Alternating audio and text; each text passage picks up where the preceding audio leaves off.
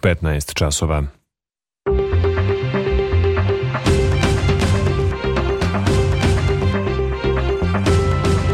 Radio Novi Sad. Novosti. Dobar dan, ja sam Slobodan Vidović. Ja sam Nikola Rausavljević. Ovo su najvažnije vesti. Za godinu dana biće otvorena brza pruga do Subotice, izjavio predsjednik Vučić u Vrbasu. Evropska banka za obnovu i razvoj usvojila strategiju saradnje sa Srbijom do 2028. godine. Novembarski računi za struju stižu na kućne adrese, rok za plaćanje produžen do 30. decembra saopšteno u EPS-u. U Novom Sadu proglašeno desetoro najboljih poljoprivrednika nove generacije. U domovima zdravlja povećan broj pacijenata sa blažim simptomima respiratornih infekcija. Sutra kalendarski počinje zima. Meteorolozi kažu biće oblačno, povremeno sa kišom temperatura do 10 stepeni, toliko je i sada u Novom Sadu. Brza pruga od Novog Sada do Subotice trebalo bi da bude završena do kraja naredne godine, poručuje predsjednik Aleksandar Vučić, obilazeći završne radove na izgradnji železničkog vijadukta kod Vrbasa. To će, kako je rekao, biti najduži most na čitavoj trasi i najvažniji deo projekta brze pruge. Pripremila Vesna Balta. Vijadukt u Vrbasu jedan je od četiri objekta koji će biti izgrađen iznad kanala Dunav-Tisa-Dunav. Dug je oko kilometar i po i bit će dvokolosečan. Predstavnici kineskih kompanija preneli su Vučiću da su kineske železnice povećale broj baza kao i opremu za polaganje koloseka kako bi sve bilo gotovo do kraja naredne godine. Predsednik Srbije kaže da radovi na deonici brze pruge od Novog Sada do Subotice napreduju izuzetnom brzinom. Ističe i da su ovo velike promene za našu zemlju, te da će brza pruga Beograd-Subotica mnogo značiti građanima. Ljudi da bi razumeli od Beograda do Subotice ići će tačno 75 minuta i to centar Beograda, centar Subotice. To danas da idete iz centra u centar nije moguće bez dva sata i to ne spore vožnje, a ovako vozom na najlepši mogući, najudobniji mogući način. Osim toga, predsjednik dodaje da se nada da će od 2026. biti redovnih vozova do Budimpešte. Beograd, Budimpešta, 2 sata i 40 minuta, centar, centar, izlazite na Vaci ulicu, tako da to su neverovatne promene u Srbiji. Verujem da ćemo moći da privučemo još mnogo više turista, ali da ćemo nastaviti da gradimo. Želim se zahvalim kompaniji kineskih železnica CCCC, ako se ne varam, koji izvanredno obavljaju svoj posao. Mi ćemo nastaviti da gradimo našu zemlju i da menjamo njeno lice, poručuje Vučić. Krajnji cilj je za nas je rok svih rokova 1. decembar 26. Mi tada predajemo ključeve EXPA, mi do 1. decembra moramo da završimo sve 2026. Dakle, imamo nešto manje od tri godine da uradimo sve moguće radove u Srbiji, da predstavimo Srbiju na najbolji mogući način i to u tome sam sasvim siguran da ćemo uspeti. Predsjednik Srbije rekao i da se nada da će sledeće godine ugostiti kineskog kolegu Xi Jinpinga i da će mu zahvaliti za doprinos napretku naše zemlje. Odgovarajući na pitanje novinara, predsjednik Vučić izjavio je da državni organi Srbije sastavljaju važno pismo o uplivu i mešanju jedne važne zemlje u izborni proces Srbije na najbrutalniji način. On je uveren da će republički izbori biti okončani do 30. decembra, dok će gradski u Beogradu biti nešto malo kasnije. Kada je reč o gradskim izborima, verovatno ćemo, ukoliko lista Branimira Nestorovića ne podrži nikoga, ponovo ići na glasanje, dok će Republički parlament brzo biti konstituisan, poručio je Vučić. A izbori za narodne poslanike biće ponovljeni na 28 biračkih mesta u Srbiji. Glasaće se 30. decembra, saopštila je Republička izborna komisija, navodeći da na tim mestima ima ukupno 12.240 birača. Predsednik Rika Vladimir Dimitrijević izjavio je da to telo nije nadležno niti može da postupa po zahtevu koji mu je koalicija Srbija protiv nasilja dostavila za raspisivanje i sprovođenje novih izbora za odbornike Skupštine grada Beograda. Istovremeno ispred sedišta Rika sinoć je ponovo održan protest građana na poziv liste Srbija protiv nasilja. Jedan od lidera koalicije Miroslav Aleksić poručio je da će njihovi pravnici u telima za sprovođenje izbora, pre svega u Riku, tražiti poništavanje izbora na svim nivoima.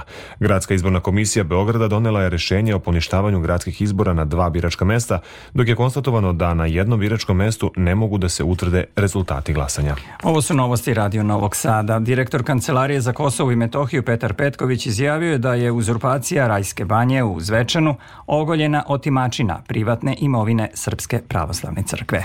Na predstavljanju projekta besplatne pravne pomoći za interno raseljena lica, izbeglice i povratnike, Petković je rekao da je kompleks Rajska banja jedna od najznačajnijih investicija vlade Srbije i kancelarije kako bi se podigla ta ta sredina zaposlili mladi i ponudilo lečenje za hiljade bolesnika i posao za više desetina ljudi. On je istakao i da se srpski narod na Kosovu i Metohiji suočava sa ogromnim problemima koji idu i do tačke potpune obespravljenosti. To, kako istakao, dovodi u pitanje normalizaciju odnosa Beograda i Prištine. Upravni odbor Evropske banke za obnovu i razvoj usvojio je strategiju saradnje sa Srbijom za narednih pet godina. Ključni prioriteti su ubrzanje zelene energetske tranzicije, povećanje konkurentnosti privatnog sektora, finansiranje održive infrastrukture i jačanje regionalne povezanosti, saopštila je Beogradska kancelarija EBRD-a. Navode da će takođe nastaviti da podstiču prelazak na železnički transport, posebno finansiranjem glavnih evropskih i regionalnih koridora, a predviđena je i pomoć u podizanju standarda standarda u državnim preduzećima. Evropska banka za obnovu i razvoj u Srbiji je do sada uložila skoro 9 milijardi evra kroz 350 projekata, od kojih je većina podrška privatnom sektoru. U toj finansijskoj instituciji navode da je Srbija najveća ekonomija na Zapadnom Balkanu i da ima snažan potencijal rasta zahvaljujući svojoj diverzifikovanoj ekonomiji i poziciji regionalnog čvorišta na raskrsnici međunarodnih koridora. Elektroprivreda Srbije saopštila je da uprkos intenzivnom hakerskom napadu uspela da dostavi pošti Srbije više od milion 700 hiljada novembarskih računa koje već uveliko pristižu na kućne adrese. Na svima njima rok dospeća računa produžen je sa 28. na 30. decembar. U saopštenju se navodi da su preduzete zaštite mere u cilju obezbeđenja sigurnosti sistema i bezbednosti podataka i da se sistemi postepeno vraćaju u funkciju. Upravo iz tih razloga u ovom trenutku van funkcije su šalteri EPS-a i portal Uvid u račun, naveli su iz te kompanije. U Master centru Novosadskog sajma treću godinu zaredom proglašeni su poljoprivrednici nove generacije. Bila je to prilika da se afirmišu najbolji među mladim proizvođačima hrane. O tome Đorđe Simović. Desetoro najuspešnijih mladih poljoprivrednika su uzorni proizvođači u sredinama iz kojih dolaze, a to su Selenča, Deronje, Ribar kod Jagodine, Crepaja, Opovo, Rivica i druga mesta. Reference Vladimira Ličanina iz Belegiša same za sebe govore zašto je poneo ovo prestižno priznanje. Bavim se ratarstvom, imam porodičnu firmu za otkup, Ličanin agrar. Pored toga se bavim digitalizacijom i edukacijom poljoprivrednika. Imamo prvi podcast u poljoprivredi u Srbiji, Agrocast. Imamo sajt za oglas u poljoprivredi selektačka.rs i digitalnu knjigu polja e-ratar. Generalni sekretar Udruženja poljoprivrednici nove generacije Stefan Gligorić Kaže da su žiri činili profesori na poljoprivrednim fakultetima i uspešni domaći privrednici u agrosektoru. Kriterijumi za naš žiri su bili izrazito zahtevni i sam izbor nije bio ni malo lak. Mnogo je uspešnih mladih uspešnih poljoprivrednih proizvođača koji su uspešni u svom poslu, dakle visoko obrazovani i zato smo mi težili da imamo poljoprivrednike iz svih sektora poljoprivredne proizvodnje. Neki od njih imaju upravo više sektora, dva ili tri ratarstvo, voćarstvo, stočarstvo. Ove godine dodeljena je i specijalna nagrada Mlada nada srpskog agrara koje je ponela 14-godišnja Anđelija Ilić iz sela Rutevac kod Aleksinca. Ovo su novosti prvog programa radija Radio Televizije Vojvodine u nastavku vesti iz sveta. Svetska zdravstvena organizacija saopštila da je sever Gaze ostao bez i jedne funkcionalne bolnice zbog nedostatka goriva, osoblja i medicinskih zaliha. Navode da je samo 9 od 36 zdravstvenih ustanova delimično funkcionalno u celoj Gazi. Izraelski premijer Benjamin Netanyahu izjavio je da se rat nastavlja do uništenja palestinske grupe Hamas i oslobađanja svih talaca iz pojasa Gaze.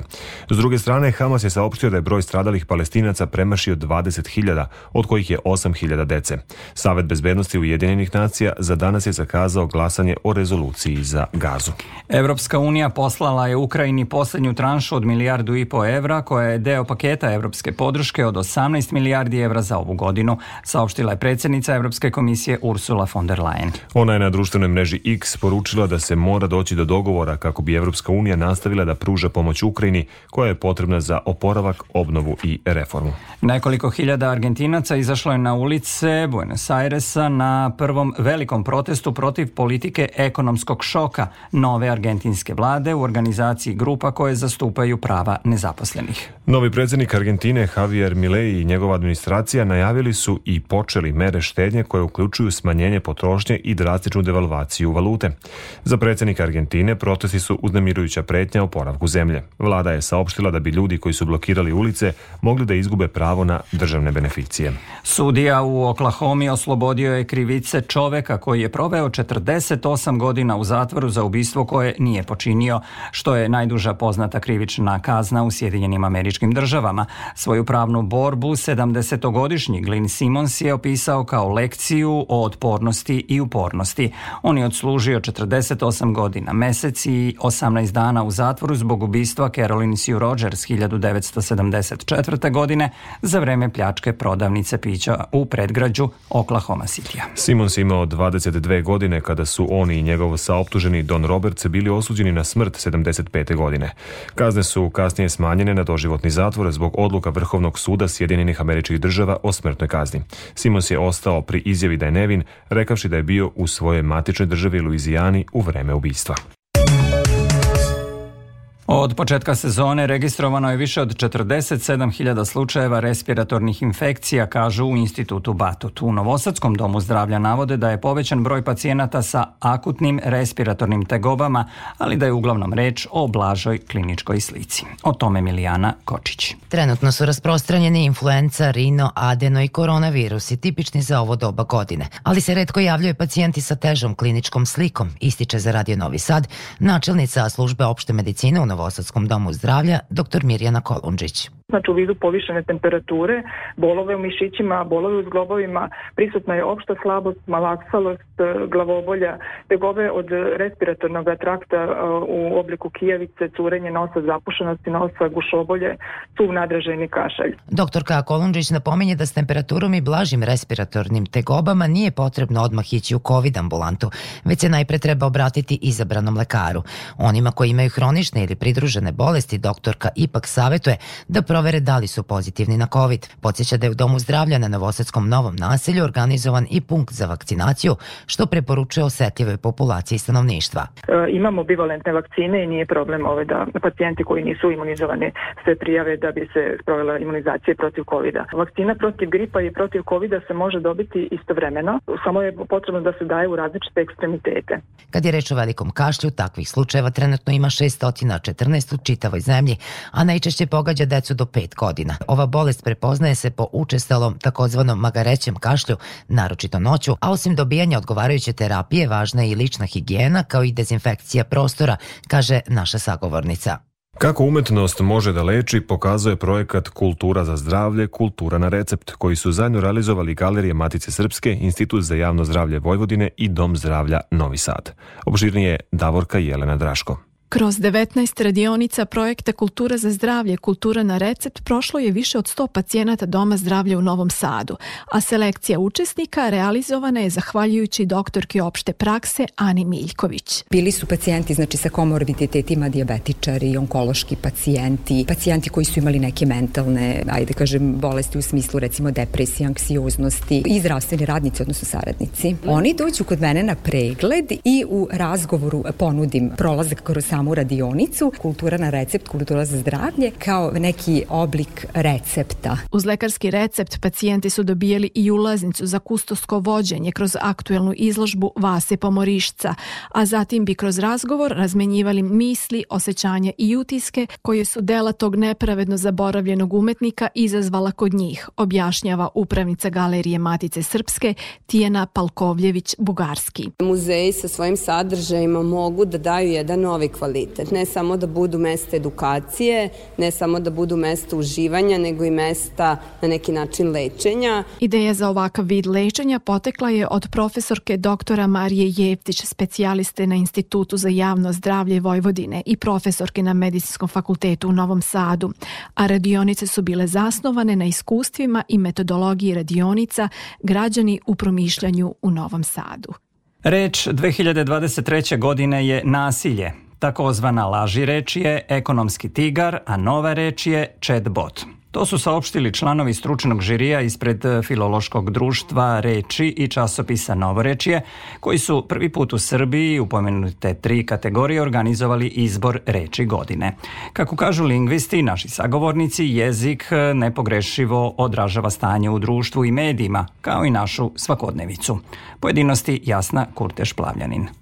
Nažalost, dve majske tragedije toliko su bacile u senku sve druge događaje i pojave da žiri birajući između ogromnog broja pristiglih predloga nije imao dilemu. Reč godine je nasilje, a nova reč chatbot, anglicizam za računarski program skraćeno za robote za četovanje, kaže za Radio Novi Sad članica žirija za izbor za reč godine lingvistkinja Jovana Jovanović sa Instituta za srpski jezik Srpske akademije nauka. Lingvisti i e, građani očigledno imajući u vidu broj e, reči koje su povezane sa nasiljem kao krovnim pojmom, sve ove reči o kojima smo govorili, e, nismo želeli da se, iako je fakat veštačka inteligencija pojem koji je obeležio baš ovu godinu, ali nismo mogli da se oglušimo i previdimo činjenicu koliki je utisak na društvo u kome živimo, govornike srpskog jezika i e, predstavnike naše lingvokulturne zajednice ostavilo nasilje koje nije vezano samo za naš prostor. Laži reč je ekonomski tigar koja kroz manipulativne tehnike oslikava vezu gramzive mačke sa brzim ekonomskim rastom u kratkom vremenskom periodu. U Kolarčevoj zadužbini u Beogradu dodeljena je nagrada Ranko Radović za 2023. godinu. Priznanje za televizijsku emisiju, izložbu ili multimedijalnu prezentaciju pripalo je Vladimiru Bajiću, scenaristi i kompozitoru za TV serijal Graditelj, dokumentarno-obrazovnog programa Radio Televizije Vojvodine. Jedno od najznačajnijih stručnih priznanja u Srbiji, nagradu Ranko Radović, Udruženje likovnih umetnika primenjenih umetnosti i dizajnera Srbije, dodeljuje u tri kategorije. Za savremeno arhitektonsko stvaralaštvo, rad i multimedijalno istraživanje. Radovi učesnika konkursa predstavljeni su na zajedničkoj izložbi koja je otvorena u muzičkoj galeriji Kolarčeve zadužbine. Sledeće godine izložbu će moći da pogleda publika u Novom Sadu. Komisija za obeležavanje praznika i dodelu priznanja grada Novog Sada poziva pojedince, grupe građana, preduzeća, ustanove, političke i druge organizacije da podnesu inicijative za dodelu februarske nagrade grada Novog Sada za 2023. godinu. Nagrada se dodeljuje povodom Dana grada 1. februara, dana kada je 1748. godine Novi Sad proglašen slobodnim kraljevskim gradom. Obrazložene inicijative za dodelu februarske nagrade grada Novog Sada za 2023. godinu podnose se komisiji do 31. decembra u ulici Žarka Zrenjanina broj 2. Vesti iz sporta, vaterpolisti Srbije od 17.30 igraju protiv Španije poslednju utakmicu na turniru u Budimpešti koji se igra u sklopu priprema za evropsko prvenstvo u Hrvatskoj. Prethodno su naši vaterpolisti u glavnom gradu Mađarske pobedili domaćina turnira i rumunsku selekciju dok su poraženi od Nemačke. A u 16. kolu Evrolige košarkaši Crvene zvezde u dvorani Aleksandar Nikolić igraju protiv Makabija. Izraelski klub je zbog ratnih dešavanja dešavanja u zemlji domaćin u tom susretu, a utakmica počinje u 20 časova i 5 minuta. Košarkaši Partizana gostuju Real Madridu od 20 časova i 45 minuta. Danas su na programu i tri utakmice futbolske Superlige. Sastaju se Novi Pazar Spartak, Radnički Niš Železničar i Voždovac Vojvodina. I još jedna vest, zima će ove godine zvanično početi sutra ujutru u 4 sata i 27 minuta na dan početka zime obdenica je najkraća, a noć najduža. U istom trenutku za stanovnike na južnoj zemljinoj polulopti počinje leto, saopštilo je astronomsko društvo Ruđer Bošković iz Beograda. Još jednom posjećamo na najvažnije vesti. Za godinu dana bit će otvorena brza pruga do Subotice, izjavio predsjednik Vučić u Vrbasu. Evropska banka za obnovu i razvoj usvojila strategiju saradnje sa Srbijom do 2028. godine. Novembarski računi za struju stižu na kućne adrese, rok za plaćanje produžen do 30. decembra saopšteno u EPS-u. U Novom Sadu proglašeno desetoro najboljih poljoprivrednika nove generacije. U domovima zdravlja povećan broj pacijenata sa blažim simptomima respiratornih infekcija. Slušamo prognozu vremena. U Vojvodini u petak pretežno oblačno povremeno sa kišom koja se očekuje uglavnom ujutru kao i kasnije posle povodne i uveče. Vetar umeren, povremeno i jak, zapadni i severozapadni. Najniža temperatura od 3 do 6, a najviše od 7 do 10 stepeni. U Vojvodini u subotu pretežno oblačni vetrovito, među sa kišom. Duvaće umereni jak, zapadni i severozapadni vetar. U nedelju uglavnom suvo uz delimično razvedravanje, a kiše će padati samo tokom jutra na severu Banata. Za Radio Novi Sad, meteorolog Miodrag Stojanović. Slušali ste novosti prvog programa radija Radio Televizije Vojvodine. Ovu emisiju možete slušati odloženo na sajtu rtv.rs gde su i sve važne informacije iz zemlje i sveta. Emisiju tonski realizovao Novak Vasiljević, producenti Branislava Stefanović i Zoran Bečejac. Pred mikrofonom bili Slobodan Vidović i Nikola Rausavljević. Sledi Radio Sport pa vesti u 16 časova. Nakon toga možete slušati reprizu emisije u dobrom društvu.